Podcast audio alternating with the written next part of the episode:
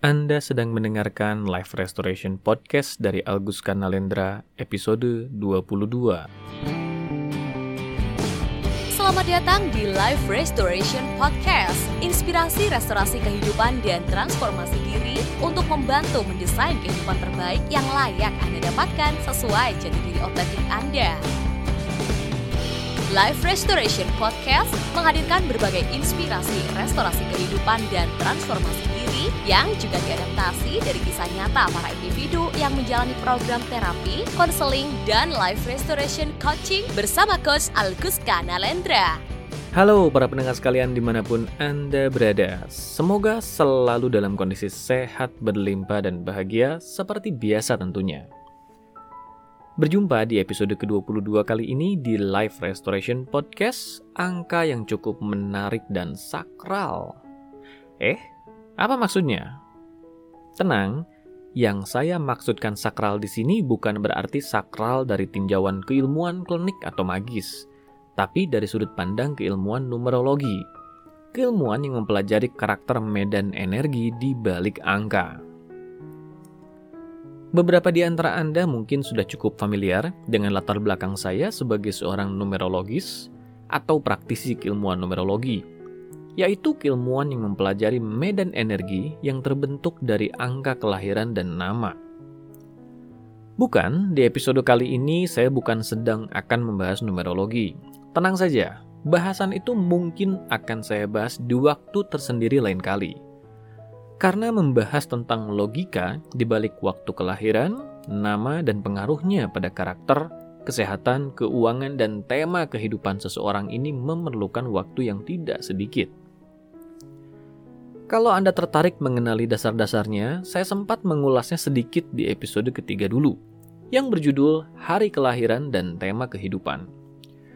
Meskipun memang tidak secara spesifik membahas numerologi, Paling tidak, pemahaman dasar tentang landasan logis di balik berbagai keilmuan yang mengulas analisa waktu kelahiran seperti astrologi, numerologi, dan human design bisa Anda temukan di episode itu.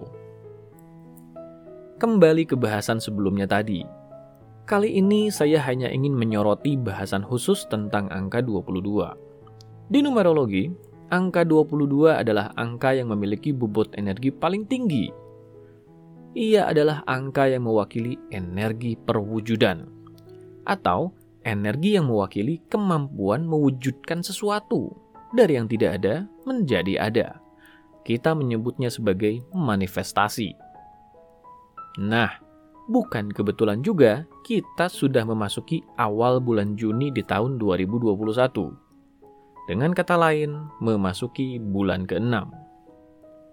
Artinya, hampir setengah tahun berjalan di tahun 2021 ini. Hampir setengah tahun sejak episode pertama Live Restoration Podcast diluncurkan di awal Januari 2021 yang membahas tentang target yang lagi-lagi gagal setiap tahunnya. Sudah mendengarkan episode pertama itu? Atau episode-episode lain dari podcast saya ini? Kalau belum, saya menyarankan Anda untuk meluangkan waktu mendengarkannya ketika senggang. Karena ada banyak bahasan di dalam berbagai episode di podcast saya ini yang berhubungan satu sama lain. Mendengarkan semua episodenya akan lebih banyak membantu Anda memahami keping demi keping puzzle yang saya bahas di dalamnya.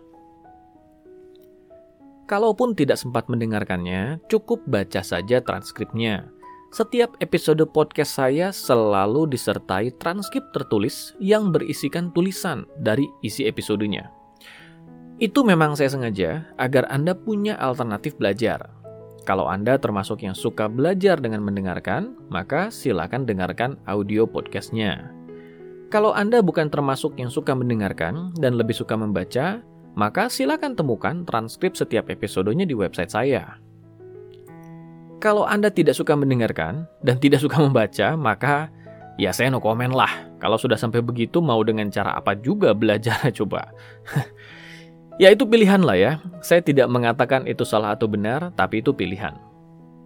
Nah, membicarakan pilihan ini, kalau saya hubungkan kembali dengan bahasan pembuka tentang perwujudan dan betapa sudah setengah tahun berlalu sejak saya meluncurkan episode pertama podcast saya, maka pertanyaannya adalah Apa saja pilihan-pilihan atau target-target yang sudah berhasil Anda wujudkan sejauh ini? Anggap saja episode kita kali ini menjadi sesi evaluasi perjalanan pribadi.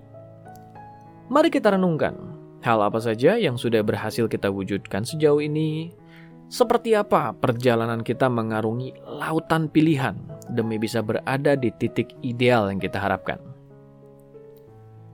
Saya yakin ada banyak jawaban yang muncul atas pertanyaan ini. Dan saya tidak akan fokus menyoal mana jawaban yang benar dan mana jawaban yang salah.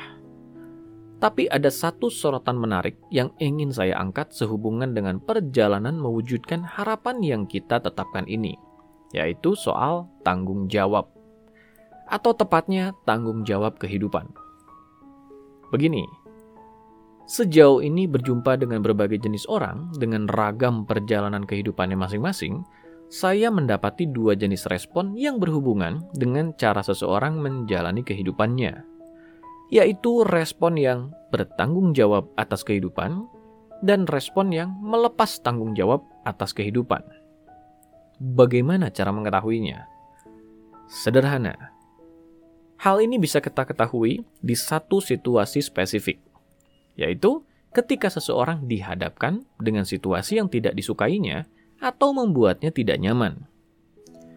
Yes, mengetahui seseorang bertanggung jawab atas kehidupannya atau tidak bukan kita lihat ketika ia mendapatkan yang diinginkannya atau ketika harapannya terpenuhi. Di titik ideal ini yang kita lihat justru adalah bagaimana seseorang mensyukuri kehidupannya. Mengetahui seseorang bertanggung jawab atas kehidupannya atau tidak, baru kita bisa ketahui di momen ketika ia justru berada di titik tidak idealnya. Titik di mana ia harus berhadapan dengan hal-hal yang mengecewakannya. Ketika mengalami kekecewaan, akan muncul dua jenis sikap mental. Pertama, sikap mental pemain kehidupan, yaitu sikap mental bertanggung jawab atas kehidupan dan kedua, sikap mental korban kehidupan, yaitu sikap mental menyalahkan kehidupan. Nah, sudah ada petunjuk kali ini? Ada kata menyalahkan di penjelasan saya tadi bukan? Satu kata itulah yang sebenarnya memberi petunjuk tentang bagaimana seseorang merespon atau bertanggung jawab atas kehidupannya.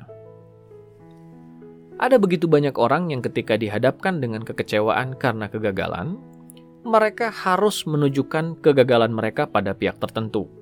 Atau dengan kata lain, menemukan pihak untuk disalahkan. Yang menurut mereka, karena pihak itulah mereka jadi mengalami kegagalan, ketidaknyamanan, dan kekecewaan. Gara-gara dia hidup saya berantakan. Familiar dengan contoh kalimat itu? Atau kalimat-kalimat lain yang bernadakan serupa.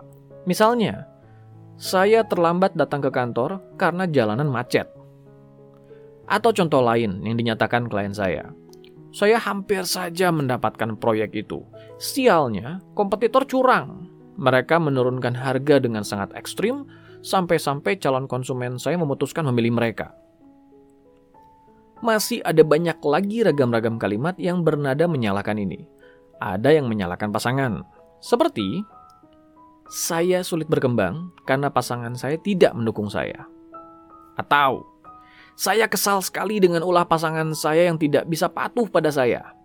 Atau ragam jenis kalimat lainnya lagi yang intinya sama. Ada juga yang menyalahkan keluarga, seperti keluarga saya keluarga yang egois. Tidak bisa memberikan kesempatan pada saya untuk berkembang, mereka hanya memikirkan ego mereka sendiri. Ada lagi yang menyalahkan pihak-pihak eksternal, seperti menyalahkan orang di sekitarnya, yang dianggap tidak bisa memahami mereka. Menyalahkan teman bisnis yang dianggap mengkhianati atau tidak setia. Menyalahkan kebijakan pemerintah, yang dianggap merugikan mereka. Dan bahkan yang termasuk ekstrim, menyalahkan Tuhan yang dianggap tidak adil. Wah, agaknya sudah sangat parah sekali kalau sampai begitu. Tunggu dulu, Contoh yang kita bahas sudah berkembang jauh sekali sejauh ini. Saya ingin mengajak Anda menyimak contoh sederhana saja dulu, yaitu pengalaman saya pribadi bertahun-tahun lalu dalam memposisikan diri sebagai korban kehidupan ini. Contoh sederhana saja ya. Alkisah, Bertahun-tahun lalu saya baru saja pindah rumah ke sebuah lingkungan baru, di mana lingkungan itu macetnya minta ampun. Sangat tidak terduga dan berbeda dengan lingkungan lama saya. Alhasil, saya pun terlambat tiba ke tempat kerja. Ketika saya tiba di tempat kerja, apa respon otomatis yang saya ucapkan? Anda tentu sudah bisa menebaknya. Yes, saya terlambat datang karena jalanan macet. Sekarang, mari kita sadari terlebih dahulu. Apakah kalimat itu salah? Bukankah memang jalanan sedang macet sehingga saya terlambat? Ya, iya, jalanan memang macet. Tapi perkara saya terlambat bukan karena jalanan macet, melainkan karena saya tidak berangkat lebih awal. Bukankah hal itu terjadi karena saya tidak tahu? Betul. Hanya saja kenapa saya tidak mencari tahu? Namanya pindah rumah, pindah lingkungan, otomatis ada perbedaan situasi. Kenapa perbedaan situasi itu luput dari persiapan saya? Perhatikan bahwa ada perbedaan dalam cara memandang suatu persoalan. Ketika sebuah persoalan atau permasalahan terjadi, sebut saja, saya terlambat karena jalanan macet tadi kita bisa memandang persoalan itu dari sudut pandang menyalahkan, yaitu karena jalanan macet. Atau kita bisa memandangnya dari sudut pandang mengambil tanggung jawab, yaitu karena kita berangkat kesiangan. Yang mana yang benar? Keduanya tentu benar. Perbedaannya adalah pemilihan cara pandang ini akan mempengaruhi cara kita menyikapi persoalan. Cara pandang yang fokus pada menyalahkan akan mempengaruhi kita untuk lebih mudah menyerah. Karena kita tahu letak permasalahan utamanya di luar diri kita dan kita tidak memiliki kendali atas hal itu. Sehingga respon otomatis kita adalah merasa tidak berdaya. Sebaliknya, cara pandang yang fokus pada bertanggung jawab akan mempengaruhi kita untuk mencari solusi. Karena kita tahu bahwa letak permasalahan utamanya terletak di diri kita dan kita tahu bahwa aksi dan tindakan yang bersumber dari diri kita bisa kita kendalikan. Maka, respon otomatis yang muncul adalah merasa siap bertindak. Artinya, sikap mental pemain atau korban kehidupan ini sangat ditentukan dari bagaimana cara kita mengarahkan fokus. Mereka yang memilih menjadi korban kehidupan mengarahkan fokusnya pada hal-hal yang berada di luar kendali mereka – dan menyalahkan semua itu ketika mereka mengalami kekecewaan. Tapi karena semua yang mereka salahkan itu berada di luar kendali mereka, maka mereka pun tahu bahwa mereka tidak bisa melakukan apa-apa. Ini adalah bentuk lain dari menyerah, tapi disamarkan dalam bentuk perlawanan yang berbalut ketidakberdayaan. Akhirnya sewot sendirilah jadinya. Sementara, sikap mental pemain kehidupan ditunjukkan dari cara seseorang mengambil tanggung jawab tidak menyalahkan pihak lain, siapa pun itu, dan fokus pada introspeksi diri. Mereka bertanggung jawab atas dirinya sendiri.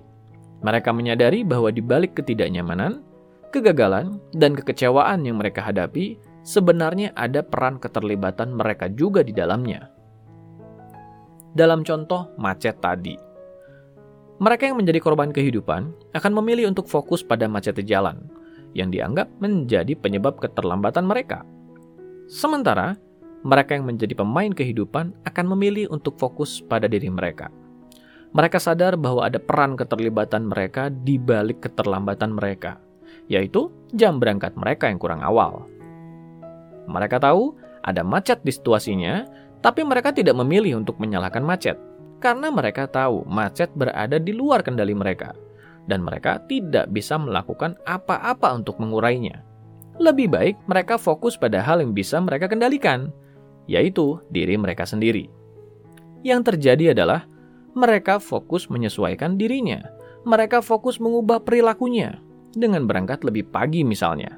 Sehingga di hari esoknya, macet tetap terjadi, tapi macet itu tidak lagi mempengaruhi mereka. Karena dengan berangkat lebih pagi, mereka jadi sampai tujuan tepat waktu. Sikap dan kebiasaan inilah yang membuat kita lebih bisa memegang kendali atas kehidupan, yaitu sikap fokus pada keterlibatan diri di setiap situasi yang kita alami. Ketika ada ketidaknyamanan terjadi, kita bukan fokus menyalahkan situasi di luar diri yang tidak bisa kita kendalikan, tapi fokus pada keterlibatan kita di situasi itu. Mencari tahu apa yang harus kita perbaiki, Sehingga kalaupun nantinya situasi di luar diri kita tidak berubah, situasi itu tidak lagi mempengaruhi kita secara negatif. Bukan hanya dalam macet tadi. Dalam semua hal yang sudah sempat saya singgung sebelumnya pun sama. Misalnya yang dialami klien saya, di mana ia menyalahkan kompetitor yang dianggapnya curang karena menurunkan harga dengan cara yang tidak etis, yang membuat konsumen memilih mereka. Saya menegur klien saya ini. Saya mengingatkan ia bahwa cara pandangnya tidaklah tepat. Daripada fokus menyalahkan kelakuan kompetitor yang dirasanya tidak etis, dalam pandangan saya seharusnya ia fokus introspeksi diri, kenapa ia tidak cukup baik menjalin hubungan dan membangun reputasi dirinya dengan cara yang berkualitas serta masuk akal, yang bisa membuat konsumen berpikir jernih dan tahu bahwa kalau ada pihak yang bisa menurunkan harga dengan cara yang tidak masuk akal, maka ada sesuatu yang harus diwaspadai di balik penawaran itu. Awalnya, klien saya tentu tidak terima. Ia masih fokus menyalahkan kompetitor. Saya hanya mengingatkan secara sederhana saya ingatkan bahwa esok lusa menjalankan bisnis, ia pasti akan bertemu lagi dengan kompetitor jenis begitu. Mau sampai kapan fokus mengeluh dan merasa tidak berdaya? Akhirnya ia sadar di mana letak kekurangan strateginya dalam mengamankan calon konsumen. Sejak saat itu ia mengubah fokusnya dalam menghadapi calon konsumen. Ia menjalin hubungan dengan lebih baik dan benar-benar membangun reputasi dengan sangat baik ia selalu mengingatkan konsumen akan pentingnya menjalankan bisnis yang etis dan aman. Alhasil, ketika kompetitor mencoba memotong jalan dan mencuri konsumen dengan cara yang tidak etis, para konsumennya sudah teredukasi dan tetap memilih klien saya ini. Perhatikan bahwa dengan memindahkan fokus, kita bisa mengubah begitu banyak hal yang sebelumnya hanya bisa kita keluhkan. Hal yang sama terjadi dalam setiap situasi lainnya. Bagi para sales, jangan menyalahkan konsumen yang dianggap rese karena tidak membeli produk kita. Karena konsumen jenis ini akan selalu ada. Melainkan introspeksi, apa strategi penjualan kita yang belum efektif untuk menyentuh hati konsumen jenis ini. Fokuslah mengubah strategi ini, maka akan ada harapan baru yang memungkinkan perubahan terjadi darinya. Begitu juga mereka yang mengeluhkan sikap pasangan atau sikap keluarga Daripada mengeluhkan sikap mereka yang dianggap mengecewakan, mari introspeksi. Ada sikap apa dalam diri kita yang masih membuat mereka semua bisa bersikap seperti itu pada kita? Ada kekurangan atau keterbatasan apa yang membuat kita tidak berdaya merespon mereka? Apa yang harus berubah dalam diri kita agar sikap mereka turut berubah? Ketika kita merasa dikhianati, jangan fokus menyalahkan orang yang kita anggap mengkhianati introspeksilah mengapa kita bisa sedemikian percaya sampai tidak waspada dan terlalu naif karenanya. Ketika kita merasa kebijakan negara tidak berpihak pada kita, jangan menyalahkan kebijakan itu. Fokuslah introspeksi. Ada ketidaksiapan apa dalam diri kita yang membuat kebijakan itu terasa memberatkan? Intinya begini, fokus pada sikap mental pemain kehidupan mengajak kita untuk meningkatkan kapasitas diri dan naik kelas kehidupan. Menyadari bahwa selalu ada situasi di luar diri kita yang tidak bisa kita kendalikan, seperti jalan yang macet, situasi ekonomi global, sikap orang lain, dan lain sebagainya. Semua itu tidak selalu bisa kita kendalikan, dan kita perlu sadar bahwa perkara itu masih akan terus ada, setidaknya kalau tidak ada keajaiban terjadi mengubahnya. Maka, Daripada berharap-harap keajaiban akan datang dan mengubahnya, lebih baik kita memulai perubahan itu dari diri kita. Menyadari ada peran keterlibatan apa dalam diri kita. Ada keterbatasan apa? Ada kekurangan apa? Ada ketidaktahuan apa dalam diri kita yang membuat situasi di luar diri kita itu memiliki kendali atau bisa mempengaruhi diri kita sedemikian rupa sampai kita harus tidak berdaya dan kecewa karenanya. Berikutnya, Fokuskan atensi pada diri kita. Fokus untuk introspeksi diri dan memperbaiki respon atau kekurangan, keterbatasan, dan ketidaktahuan kita sampai titik di mana situasi di luar itu tidak lagi bisa mempengaruhi diri kita. Situasinya mungkin tetap terjadi, tapi ia tidak lagi mempengaruhi diri kita. Jalanan tetap macet, tapi kita tidak lagi terpengaruh oleh kemacetan itu dan bisa datang tepat waktu. Karena kita tidak fokus menyalakan macet, tapi fokus pada mengubah jam berangkat kita, sehingga macet itu tidak lagi mempengaruhi kita. Sikap orang di luar diri kita yang tidak menyenangkan tetap sama, tapi itu tidak lagi mempengaruhi diri kita, karena kita tidak fokus menyalahkan sikap mereka, tapi fokus mengubah sikap kita dalam menyiapkan mental, menghadapi mereka, dan memaknai sikap mereka, sehingga sikap mereka tidak lagi mempengaruhi kita. Situasi global yang tidak berpihak tetap sama, tapi itu tidak lagi mempengaruhi diri kita, karena kita tidak fokus menyalahkan situasi itu, tapi fokus memperbaiki kekurangan kita, sehingga situasi itu tidak lagi mempengaruhi kita. Semua ini adalah soal mengarahkan fokus. Bagaimana kita bisa melihat sisi lain dari sebuah persoalan dan fokus pada apa yang bisa kita kendalikan. Ingat, energi mengalir ke mana atensi terarah, dan energi itu menghidupkan apa yang kita atensikan. Jika kita fokus pada hal yang tidak kita sukai dan di luar kendali kita, maka ke sanalah energi terarah. Membuatnya semakin kuat dan kita semakin tidak berdaya karenanya. Sebaliknya, Ketika kita fokus pada hal yang bisa kita kendalikan dalam diri kita, maka ke dalam diri jugalah energi terarah. Menjadikan kita lebih kuat dan membuat situasi di luar diri kita tidak bisa lagi mempengaruhi diri kita sedemikian rupa. Situasi di luar diri kita tetap sama. Sikap kita dalam meresponnya lah yang berbeda. Seperti dikatakan oleh Jim Rohn, kita tidak bisa mengendalikan arah angin, tapi kita bisa mengendalikan arah layar. Jadi, ke mana fokus Anda akan ditujukan. Pada hal-hal di luar diri Anda yang tidak bisa Anda kendalikan, dan membuatnya mengendalikan diri Anda, lalu menyalahkan situasi dan menjadi korban kehidupan? Atau fokus pada diri Anda sendiri, pada hal yang bisa Anda perbaiki dan kendalikan, meningkatkan kapasitas diri Anda sehingga meski situasi di luar tetap sama, tidak berubah sama sekali, situasi itu tidak lagi mempengaruhi diri Anda dengan kata lain, menjadi pemain kehidupan. Mari sama-sama mengambil sikap bertanggung jawab atas hidup kita menjadi pemain kehidupan. Sampai jumpa di episode berikutnya. Dapatkan lebih banyak inspirasi restorasi kehidupan dan transformasi diri dengan ikuti Instagram @alkuska dan YouTube channel Alkuska Nalendra. Kunjungi juga website www.alkuska.com untuk temukan lebih banyak informasi menarik lainnya, termasuk untuk memesan layanan profesional bersama Coach Alkuska Nalendra untuk membantu mendesain kehidupan terbaik yang layak Anda dapatkan sesuai jati diri otentik Anda.